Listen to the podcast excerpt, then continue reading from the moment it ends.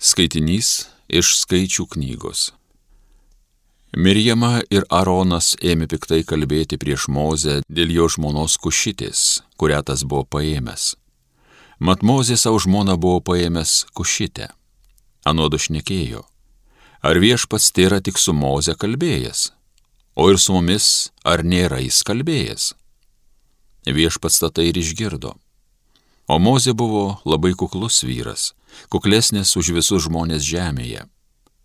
Viešpats taiga prabilo į Mozę, Aroną ir Mirjamą. Visi trys išeikite prie apreiškimo palapinės. Trijulė išėjo.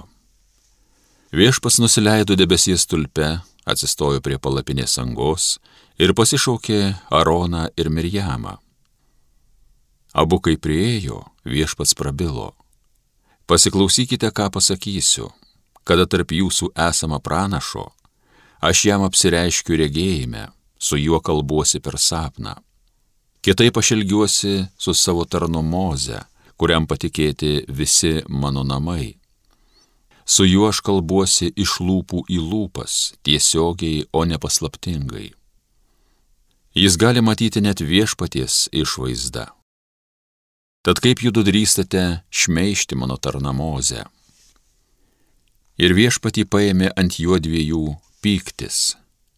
Kai jis pasišalino ir nuo palapinės debesis išnyko, Mirjama buvo balta nuo raupsų tartum sniegas.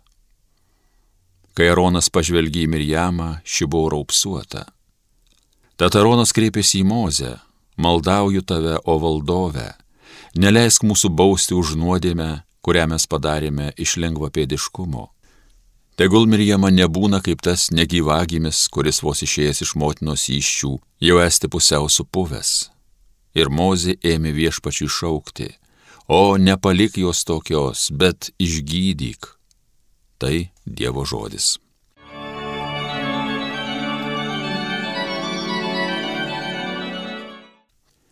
Viešpatie būk gailestingas, esame nusidėję.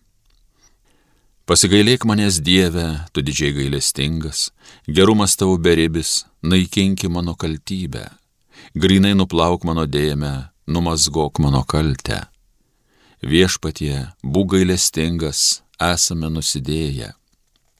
Aš savo kaltybę pažįstu, man visakyse mano nedorybė. Aš tau tik tai tau esu nusidėjęs, dariau, ką laikai tu piktybę. Viešpatie, būk gailestingas, esame nusidėję. Sutverk širdį man tyrą, o Dieve, manį nepalaužiamą dvasę atnaujink, vai net stumki manęs nuo savojo veido, praras tavo šventąją dvasę neleiski. Viešpatie, būk gailestingas, esame nusidėję.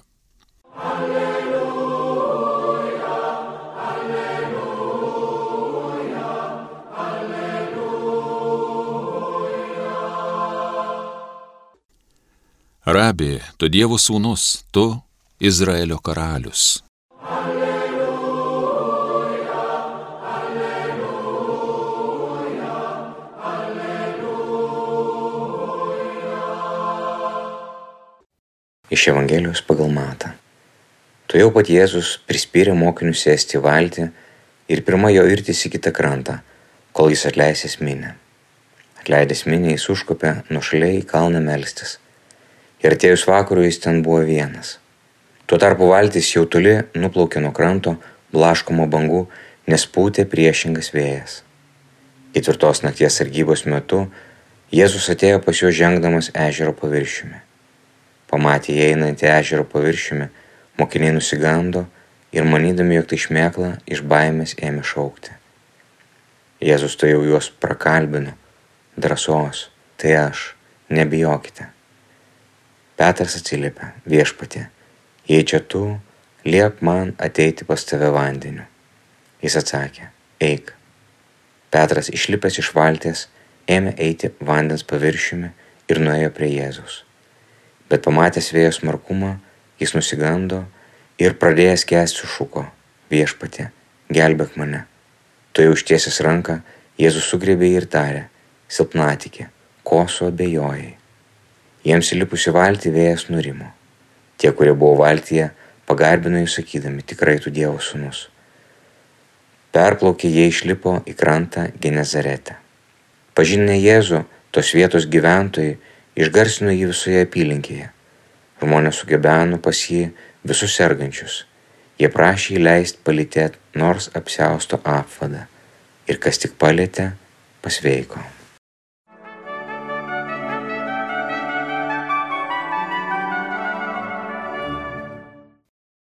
Šiandienos Evangelija pasakoja apie Jėzaus ėjimo vandeniu link mokinių. Per didelę audrą ir ta audra jinai simbolizuoja bažnyčios kelionę istorijos audromis ir ypatingai tas akimirkas, kada pučia priešingas vėjas, priešiškas, kada yra bangos didžiulės, kadangi yra didelis pasipriešinimas, kada yra didžiulis pavojus gyvybei. Prisiminkime tą vietą irgi, kai Kristus plaukė su mokiniais ir tada tuo metu mėgojo valtyje. Ta Kristaus ramybė, Dievo ramybė, ramybė neramybėje. Ir lygiai čia mokiniams kilo daugybė bejonių, nebesupranta čia Dievo veikimas, ar ne Dievo veikimas, ar piktojo veikimas, ar kas čia vyksta. Ir tada Petras sako, viešpatė, jei čia tu, liep man ateiti pas tave. Ir prasideda Petro kelionė, Petras pradeda eiti vandeniu, tai kas yra neįmanoma. Tai, ką žmogui neįmanoma. Petras pradeda daryti dalykus, kurių iš savęs negalėtų padaryti. Ir iš tiesų taip, taip yra ir bažnyčioje. Dievas stato savo bažnyčią. Dievas perkeičia širdis. Ir net pačiuose atšiauriausiose situacijose Dievas keičia ir nenustoja veikti. Net kai mes nematom, kaip jis veikia, net nežinom, kada jis veikia ir kaip. Ir tada kažkurio momentu Petras vėl pradeda žiūrėti nebe į Kristų, o į save. Į savo baimę, pradeda skaičiuoti, pradeda galvoti, pradeda dėlioti ir supranta, kad čia nelogiška, nu, tu negali eiti vandenį, negali, čia yra kažkas tai neprotinga. Ir čia vėl ne tik tai fizinė prasme, čia gali būti ir dvasinė prasme, toks nepasitikėjimas, atrodo, nu, nesuprantu kaip, galai nesueina. Ir tada Petras pradeda pats savo jėgomis, na, eiti vandeniu savo jėgomis. O tai yra misija neįmanoma. Eiti vandeniu savo jėgomis neįmanoma bažnyčiai. Ir čia yra kvietimas, Kristaus kvietimas savo bažnyčiai ateiti pas jį vandeniu. Tai yra tikėjimu. Tai yra virš mirties. Meilė stipresnė už neapykantą. Kaip išlikti ištikimam Kristaus tiesai, kai yra tiek daug netikrų pranašų, kurie taip gražiai kalba ir atrodo kovojančių už laisvę, už, už teisingumą, už gerus dalykus, už meilę, už viltį, bet kažkur giliai iš tiesų ieškančių tik tai savo interesų ir to, kas yra patogu jam patiem. Netikri pranašai. Jų visais laikais buvo. Visais laikais. Kaip tos bangos, apgaulingos, kurios atrodo, čia tuoj viską sugriaus. Tuoj neliks akmens ant akmens viskas subirės į šipulius. Atrodo, melas laimės, piktasis laimės. Piktojo galės atrodo, kad jinai yra stipresnė. Ir iš tikrųjų, jeigu mes kovojam vien tik tai savo jėgomis, tai ir pralaimėsim. Ir, ir, ir tai yra liudesys, ir nusiminimas, ir, ir tiesiog neviltis.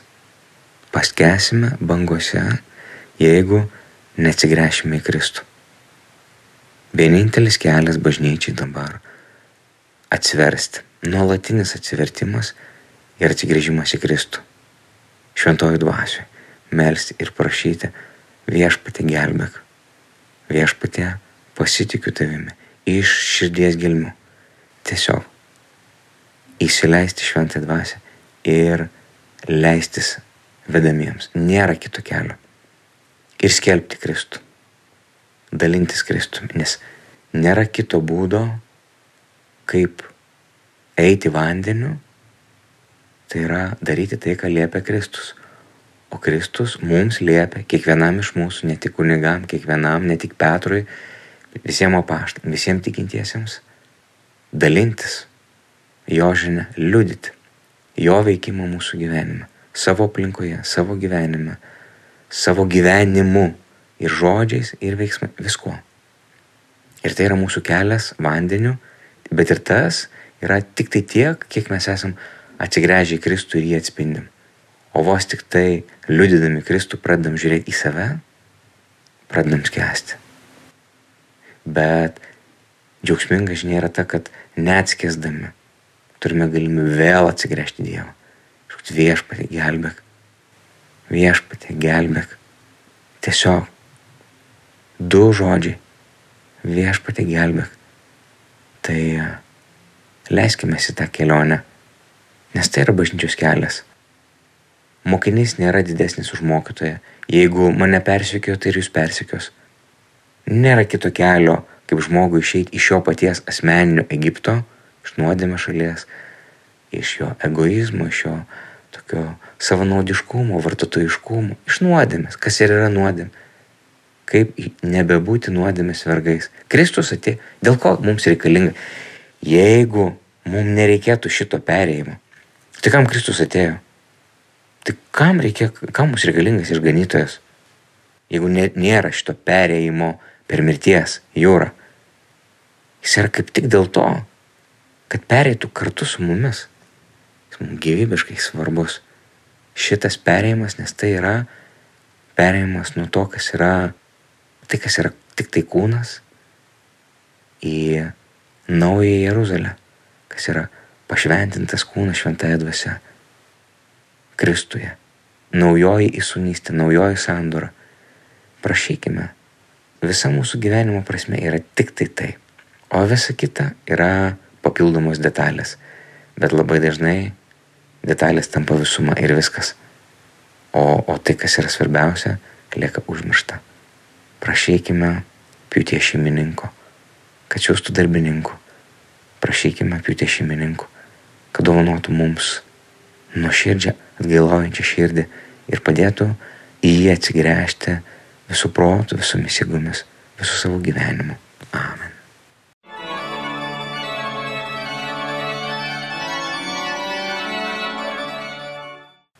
Homilija sakė kunigas Algirdas Toletas.